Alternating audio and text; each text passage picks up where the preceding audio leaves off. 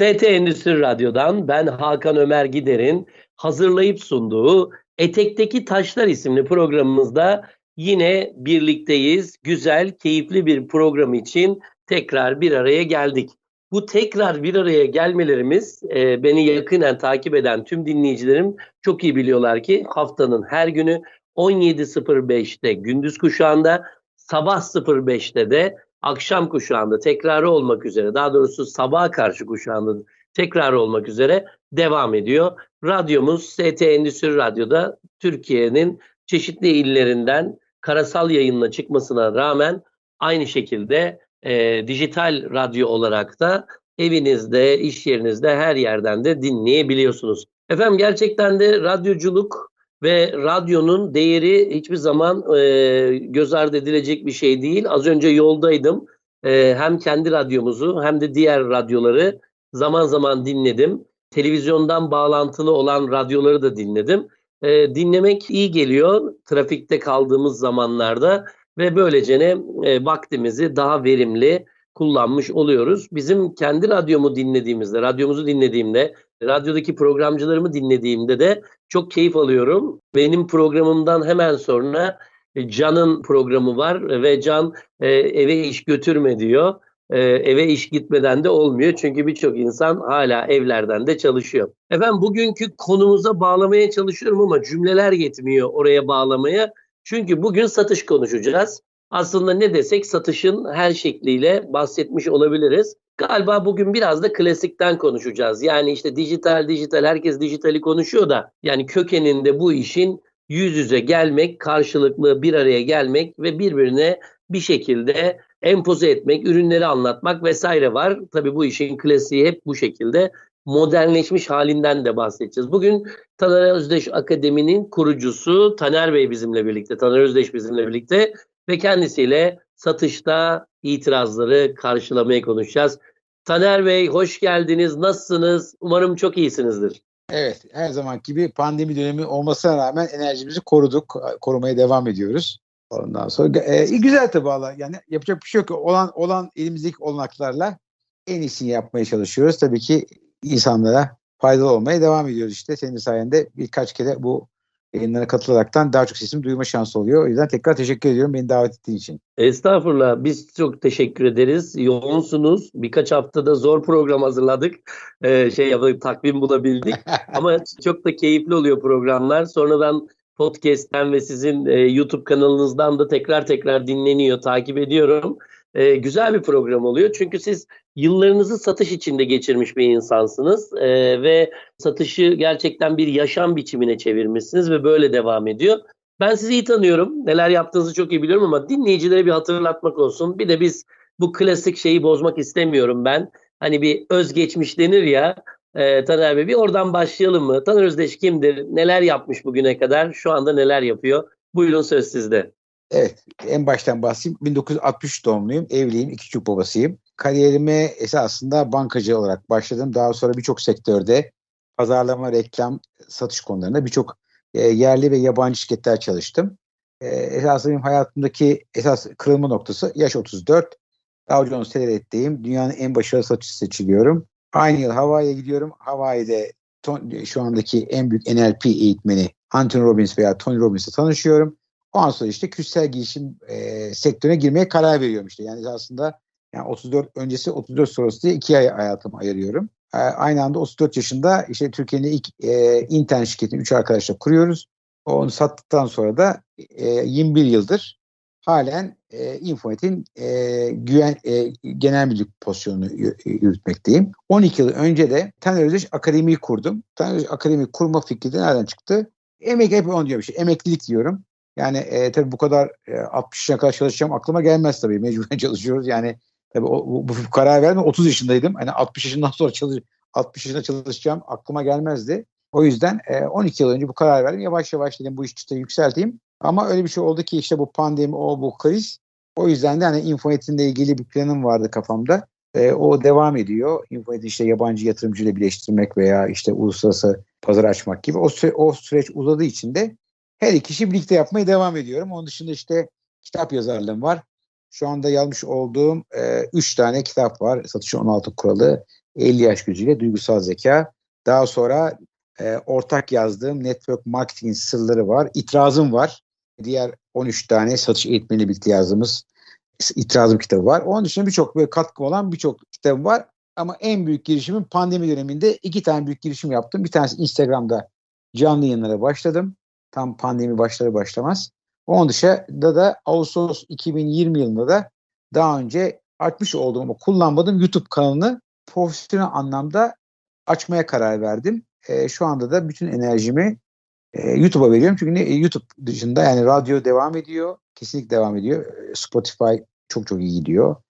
E, e, dinamik radyo kanalları devam ediyor ama bugün yani YouTube'da şu anda rekabet eden bir e, hem dijital dünyada hem fiziksel dünyada bir şey yok. Bir mecra yok. O yüzden de ben dedim ki en çok insana YouTube üzerine ulaşabilirim. O yüzden bütün enerjimi YouTube kanalına verdim. Evet benim aklımdaki son bilgiler böyle. Taner Bey şimdi YouTube hakikaten çok değerli, çok da önemli. Ee, ilk böyle o videolar başladığında insanların daha doğrusu hani böyle YouTuber denilen kavram ortaya atıldığında benim de dinlediğim, takip ettiklerim vardı. Onların böyle nasıl paralar kazandıklarını da anlattıkları bölümleri oluyordu. İşte şöyle başladım, şöyle yapıyorum bilmem ne diye. Tabii onların da tükendikleri nokta oluyor. Yani aktarıyor, aktarıyor, aktarıyor. Eğer bir konuk almazsa, birinden beslenmiyorsa bir yere geliyor, tıkanıyor. Ama o tıkanma noktasına gelene kadar geçen dönemde de çok e, fazla sayıda e, video yapıyorlar ve gerçekten de e, eğer aritmatiğini e, yaka, iyi yakalarlarsa da güzel paralar da kazanıyorlar. O, o yüzden de gençlerin yeni hedefi de YouTuber olmak, e, işte bir kamera almak, bir ışıklandırma almak, sonuçta e, çekimlere girmek. Pandemi nasıl geçti diye soracağım ama çoğunda e, takipteydik sizi. Siz işlerinizi hiçbir zaman bırakmadınız. Ofisi de bırakmadınız. Anlatalım mı biraz onlardan da? Buyurun tekrar size vereyim sözü. Evet vereyim. Ee, şimdi şimdi pandemi döneminde de biz yani bir kısım evden çalıştık. E, bir kısım e, ofisten çalıştık. Ya çok fazla bir şey gibi benim sektörüm siber güvenlik. Yani bugün şu anda pandemi öncesine göre çok daha değer kazanmış bir sektör. Bunun da en önemli sebebi insanların uzaktan çalışması. Yani uzaktan çalıştığınız zaman doğal olaraktan daha fazla güvenlik tehditle e, karşı karşıyasınız. Artı insanlar e, evlerindeki bilgisayarları pardon e, bilgi, e, işteki bilgisayarlarını evlerine götürdüler. Evden şirketlerine bağlanıyorlar. Sonuçta tabii ki bu daha büyük tehdit şirketler için. Çünkü e, evdeki bilgisayarın kullanımı e, çocuklar da o bilgisayarı kullanıyor. Kişi başka amaçlara kullanabilir. O yüzden o bilgisayarların şirkete bağlanmadan önce kontrol edilmesi gerekiyor ki bir sorun olmasın. E, o yüzden bizim sektörümüz şu anda yani harika gitti ama pandemi öncesindeki aynı. Yani yapabiliyoruz şu anda. E, burada da tabii devlet, devlet tarafında bir küçülme var. Ama özel sektörde aynı dinamizm devam ediyor. Bizim işlerimiz de bozulmadı. Eğitim konusunda tabii yüz yüze eğitime ben devam ettim. Yani sokağa çıkma yasağı olmadığı sürece yaptım. Yani e, bir üç ay yapamadım. Onun dışında yaptım. Hatta yani pandeminin en yoğun olduğu zaman da bile hani Antalya'da, Azerbaycan birçok ülkede oldum. Yani şimdi yine gidiyorum e, şeye Bakü'ye. Ondan sonra yani Antalya'ya, Bodrum'a, Türkiye'nin her yerinde eğitim vermeye devam ediyorum. Yani eğitim dünyasında bir azalma olmadı. Çünkü satış konusunda e, yetenek daha fazla yeteneğe ihtiyaç, daha fazla beceriye ihtiyaç duyuyor şirketler. Çünkü daha önce işler iyiken e, satışın tam değeri anlaşılmamıştı. Özellikle bu satışı bilmeyenler e, işte Zoom üzerinden, telefon üzerinden normalde farklı araçlarla bilgi eksikliğini veya işte beceri eksikliğini farklı yöntemlerle kapatıyorlardı. Fakat bu iş telefona dönünce ve Zoom'a e, kral çıplak oldu biraz. Yani birçok bir satıcı e, burada bu işin ne kadar zor olduğunu gördüler. Çünkü daha önce e, çok daha farklı müşteriler onlara geliyordu. İşte sipariş alıyorlardı. Bir şekilde satış yapıyorlardı. Fakat şimdi herkes evlere çekildiği için farklı yöntemler gerekiyor. Farklı yetenekler gerekiyor. O yüzden de e, şirketler daha çok daha az elemanla daha yetenekli e, daha yetenekli elemanları tercih ettiler. Daha çok eleman yerine daha az fakat daha yetenekli eleman tercih ettiler ve bunlara yatırım yapıyorlar. O yüzden şu anda bu bu dönemde benim e, iki tane eğitimim çok popüler. Birisi zaman yönetimi, bir tanesi satış. Yani bu iki tarafta da çok ciddi bir talep görüyorum ben. E, duygusal zeka her zaman herkes tarafından talep görmüştü. Yani hem eğitim dünyası aynı dinamikliği e, devam ettiriyor. Kendi işimde dediğim gibi e, siber güvenlik sektöründe olmam sebebiyle e, şu anda kazası belasız idare ediyoruz. Evet Taner Bey çok güzel. Yani iki sektör, daha doğrusu e, iki iş kolu. ikisinde de ben e, başarılarınızı yakinen takip ediyorum. Çok güzel. Benim aklıma hemen şey geldi. Madem konuyu böyle satış kapatmaya falan getireceğiz de. Ben böyle eğitim verdiğim yerlerde satışı anlatırken dönüyorum e, şeye. Özellikle firma içi eğitimlerde. Diyorum ki sizin şirketiniz yangın söndürme mi daha çok yapıyor yoksa yangın e, çıkarma mı yapıyor diyorum. Ben bunu çok anlamıyorlar tabii ne olduğunu. Diyorum ki yangın söndürme Müşteri yanıyorum diyor. Talep onlardan geliyor. Siz de gidip itfaiye malzemelerinize gidip söndürüyorsunuz müşteriyi. Yangın çıkartmak ise biraz daha farklı. Ee, adam yanmasına hiç gerek yok ama biz gidiyoruz. Ön görüşme yapıyoruz. Arıyoruz, telefon açıyoruz. Yani pazarlama yapıyoruz. Siz bu iki işinizi de kıyasladığınızda hem siber güvenlik işini hem eğitim işini yüzdesel olarak baktığımızda böyle hani çok da e, kesin olacağını sanmıyorum rakamların ama Yangın söndürme mi daha çok ağırlıklı yapıyorsunuz yoksa yangın çıkarma mı yapıyorsunuz? Güzel soru. Şimdi siber güvenlik sektöründe doğal olaraktan e, bu dönemde daha çok pazarlamaya şey yaptık, e, ağırlık verdik. Yani kendi işimle yani siber güvenlik işinde çok yoğun pazarlama yapmak zorundasınız. Yani orada biz biraz talep yaratıyoruz. Yani önce talep yaratıyoruz mümkün olduğu kadar. Talep çünkü çok birbirine benzeyen ürün var. Tabii doğal olarak tabii pazarın belli bir e, büyüklüğü var. O yüzden o büyükten dolayı şirket tabii ki e, bir şekilde devam ettiriyor. Ha yangın söndürme çok oluyor tabii bizim sektörde. Özellikle büyük bankalarda e, adlarını vermeyeyim. Yani çok sık büyük bankaların başına kötü şeyler geliyor. Devletin başına çok şey geliyor. E, devletin başına gelen çok ciddi alınmıyor. Yani gazeteye çıkıyor ama kimsenin umurunda değil. Ama e, bankaların başına gelenler sonrasında bankalar ciddi yatırım yapıyor. Özel sektörde de öyle. E, bir firmanın başına bir şey geliyorsa muhakkak e, daha önce hiç bütçe ayırmazken çok büyük bütçe ayırıyor. Eğitim konusunda bana gelen e, şirketlerde şunu görüyoruz. E, bir kere şey söyleyeyim, hani satış yaratma tarafında. Yani e, şu anda tabii pazar değişik. insanlar birçok e, reklam veriyorlar e, Google'a. Özellikle Google'a reklam veriyor veya telef veya da işte e, farklı reklamlar veriyorlar ve gelen telefonları da e, da satıcılara dağıtıyorlar yani fırsatları. Öyle bir sektör doğdu Türkiye'de. Yani daha önce bizim zamanımızda böyle bir şey yoktu. Ama şu anda benim gördüğüm bana gelen hizmet alan firmaların yüzde ellisi yani bir şekilde e, değişik kanallarla müşteri yaratıyorlar veya fırsat yaratıyorlar.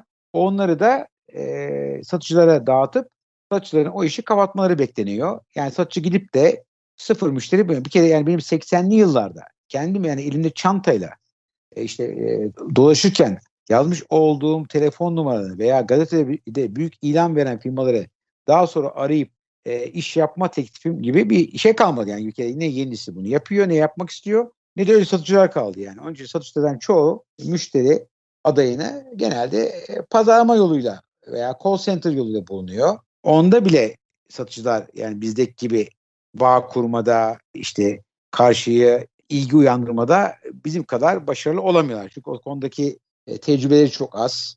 Özellikle iki parmakla e, her şeyi yazaraktan iletişim kurması sebebiyle bir kere özellikle benim gördüğüm en büyük za- zafiyet bir tanesi sohbet etme, e, güven yaratma. Şimdi gelelim itiraz meselesine. Şey, itiraz satıcıların en sevmediği konuların içinde geliyor. Çünkü itiraz yoksa satış gelecektir diye düşünüyor. Ama itirazsız satışta kolay kolay olmuyor. Biz bugün biraz klasiği konuşuyoruz. Yani internet üzerinden, e-ticaret üzerinden yapılan satışları konuşmuyoruz. Hala elimize çantayı alıp, e, randevu alıp müşteriye gittiğimizi düşünüyorum. İtirazların çeşitleri var, itirazların yapıları var. Burada e, galiba satıcının itiraza karşı psikolojisini düzgün tutması gerekiyor diye düşünüyorum. Ben de eğitimlerimde bundan bahsediyorum. Ne dersin hocam? Buradan devam edelim mi? Buyurun söz sizde. Tabii şimdi itiraz esasında benim yani e, tabii hani acemi satıcılar için itiraz tabii e, kişinin duygusal kontrolünü kaybettiği, e, bir şekilde e, düşünme kontrolünü de kaybettiği bir olay olarak ortaya çıkıyor. Ama ben itirazları her zaman için çok sağlıklı gördüm. Hatta bunun üzerine kitap da yazdık hep beraber. Yani itirazlar bence satışın önemli kısmı. Çünkü diyorum ki yani itiraz yoksa satış yoktur diyorum. Yani müşteri itiraz edene kadar esasında ilgilenip ilgilenmediğini, alıcı olup olmadığını anlayamazsın. İtirazlar esasında kişinin, karşımızdaki insanın o konuyla ilgili e, düşüncelerini veya daha fazla bilgi bilgi ihtiyacı olduğunu veya belli konularda farklı düşündüğünü e, veya herhangi konu konusunda daha netleşmek istediği veya da belli konularda iyileşme istediği konusunda size vermiş olduğu bir tepkidir. Yani o yüzden itirazın ama şuna şuna gelmek istiyorum ben. İtirazın oluşmasında farklı itirazlar var. Şimdi benim bahsettiğim itirazlar bu itirazlar sağlıklı itirazlar. Şimdi bir de sağlıklı itirazlar var. Ne demek mesela sağlıklı itirazlar? Güven. Yani kişinin, alıcının satıcıya güven duymaması mesela. Bunun telafisi yok. İki, ürün o ürüne veya o hizmete o kişinin ihtiyacı olmaması hiçbir şekilde ona ihtiyaç duymaması. İkinci konu. Üç, sizin ürününüzün veya hizmetinizin o firmanın mevcut yapısına uygun olmayışı. Yani o e, tamamen o kurumun altyapısını değiştirmek veya iş süreçlerini değiştirmek zorunda kalması olabilir. Mesela bu da bir de en son olarak tabii ki kişinin yetkisinin veya parasının olmaması. Yani o kişinin onunla ilgili bir yetkisi olmaması veya o kişinin veya o kişi demeyeyim de o firmanın bu konu için ayrılmış bütçesi olmaması veya sizin fiyatınızın e, o firmanın bütçesine fazla gelmesi. Şimdi bunlar sağ, e, bunlar ilk bahsettikleri olanların yani bunları bir satış yeteneğiyle veya bizim işte kişisel becerilerimizle önleyebileceğiniz şeyler değil. Bunlar olduğu zaman doğal olaraktan şimdi o müşteriyle yani tabii ilişkinizi devam ettirirsiniz ama e, oturup onları o, o, o itirazları e, ortadan kaldıramazsınız. Ama ben şu anda iki, 21. yüzyılda özellikle bunun altını ben çiziyorum. Diyorum ki 21. yüzyılda aslında en büyük sorun yanlış müşteriye satış yapmakta e, ısrarcı olmak. Bence benim gördüğüm en büyük ki bunu zaman kaybı olarak dönüyor veya yüksek indirim vermek zorunda kalıyorsunuz veya para kaybediyorsunuz gibi şey var. Yani o yüzden öncelikle bence satıcının karşınızdaki kişinin doğru müşteri olduğuna e, e, emin olması lazım. Çoğu satıcı tembellik yapıyor. Ön araştırma yapmadan veya önüne gelen onu arayan her insanı, her şirketi müşteri olarak e, düşünüyor. Yani hazır müşteri diyor mesela. Ve o kişiye e, satış yapmaya çalışıyor. Karşıdaki insan bu konuda işte dediğim gibi yetkisi olmuyor, ya bütçesi olmuyor veya ihtiyacı olmuyor. Buna rağmen satıcı bu konuların hepsini göz ardı ederekten e, yüksek indirim vererekten işi kapatmaya çalışıyor tabii kendisi komisyon almak için veya işte satış kotasını doldurmak için. E, bu da gördüğüm benim çok büyük yanlışlar ama sağlıklı itirazlar dediğim ise en son olaraktan o da gerçekten müşteriyle konuşurken müşterinin kendisine göre konuyla ilgili bazı sorular olabilir. Bazı ek bilgi ihtiyacı olabilir veya bazı endişeleri olabilir.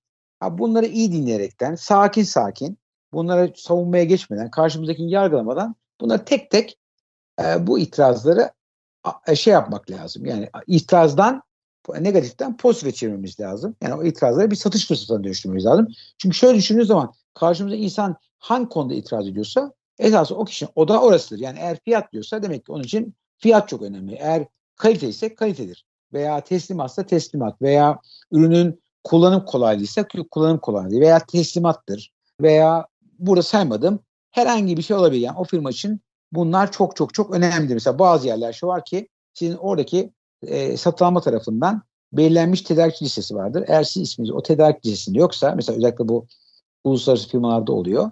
Hiçbir şekilde satamazsınız. Yani sizin eğer adınız işte bu mesela bir Sabancı Holding'de oluyor, bir IBM'de oluyor örnek olaraktan. Eğer siz onların e, müşteri yani şey tedarik listesinde yoksanız ne yaparsınız yapın dünyanın en iyi ürüne sahip de olsanız o firmalara o ürünü satamazsınız mesela. Bu mesela bu önemli bir şey. E, o, dikkat edilmesi gereken konu. Bazı şirketler elektronik ihaleyle alıyor. İşinize gelmeyebilir. Bazıları normal ihaleyle alıyor. Bazı bazıları üç yerden fiyat alma zorunluluğu var. Bazı yerlerde tek satın alma var. E, o yüzden yani birçok şey var. O yüzden şunu, şunu şöyle özetlemek istiyorum ben. Yani bir firmayı iyi araştırmadan, doğru müşteri olduğunu anlamadan, müşteriyi de iyi dinlemeden eğer çok hızlı hemen satmaya odaklanırsanız, ürününüzü ve hizmetlerinizi anlatmaya başlarsanız e, sonsuz itiraz alabilirsiniz. Yani bu tokat gibi suratınıza iner. Bilin ki yani bu tip itirazlar geliyorsa bilin ki siz yani hiç ev ödevinizi yapmadınız, çalışma, hiçbir şekilde müşteri araştırmadınız, müşteri dinlemediniz. Oturup siz satmaya çalışıyorsunuz. Ben de bunun da bedelini satıcı işte bu itirazlarla boğuşarak alır. Benim söyleyeceğim şey bu. Hocam çok güzel söylediniz. Siz söylerken de gözümden hep şey geldi. Yani e, şöyle gözüme geldi. E, satıcı portföyünü mümkün olduğu kadar geniş tutmaya çalışıyor. Yani e, şeyin peşine düşüyor.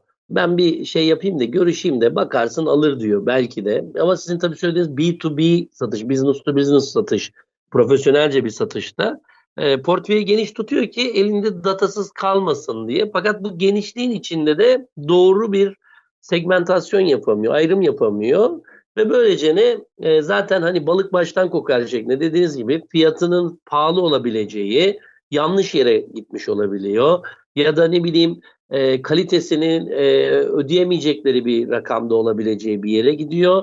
Ve böylece ne aslında hani kesinlikle itiraz gelecek yerlere giderek o itirazları da alıyor. Ve itirazları alınca da bu sefer başlıyor şirketiyle e, sıkıntı yaşamaya. İşte bu ürünler satılmıyor. Bu fiyatlar pahalı geliyor. Zaten bir, bir kişi ben bunu inceliyorum hocam. Bir kişi fiyatlar pahalı diyorsa kesin yanlış yerde geziniyordur. Çünkü o fiyatlar pahalı kavramı daha ucuz fiyatlı ürünlerin çok olduğu bir yerdeyse ancak gündeme gelecektir. O yüzden de satıcının da burada kendisine biraz nerede gezindiğinin, kimlerden fiyat baktığını görmesi gerekiyor. Eğer hani saçma sapan fiyat indirim teklifleri değilse bu olay yani gerçekten de bu pahalı, bu pahalı, bu pahalı. E tamam sen yanlış yerde geziniyorsun. Bizde zaten e, tüketicinin de şey fikri vardır hep hocam bilirsiniz. E, Mahmut Paşa malını pardon Vakko malını Mahmut Paşa fiyatına alma gibi bir düşünce vardır. Yani indirebileceğimiz kadar indirelim diye. Eğer bu videomu beğendiyseniz diğer videolarımı takip etmek için abone olmayı unutmayınız.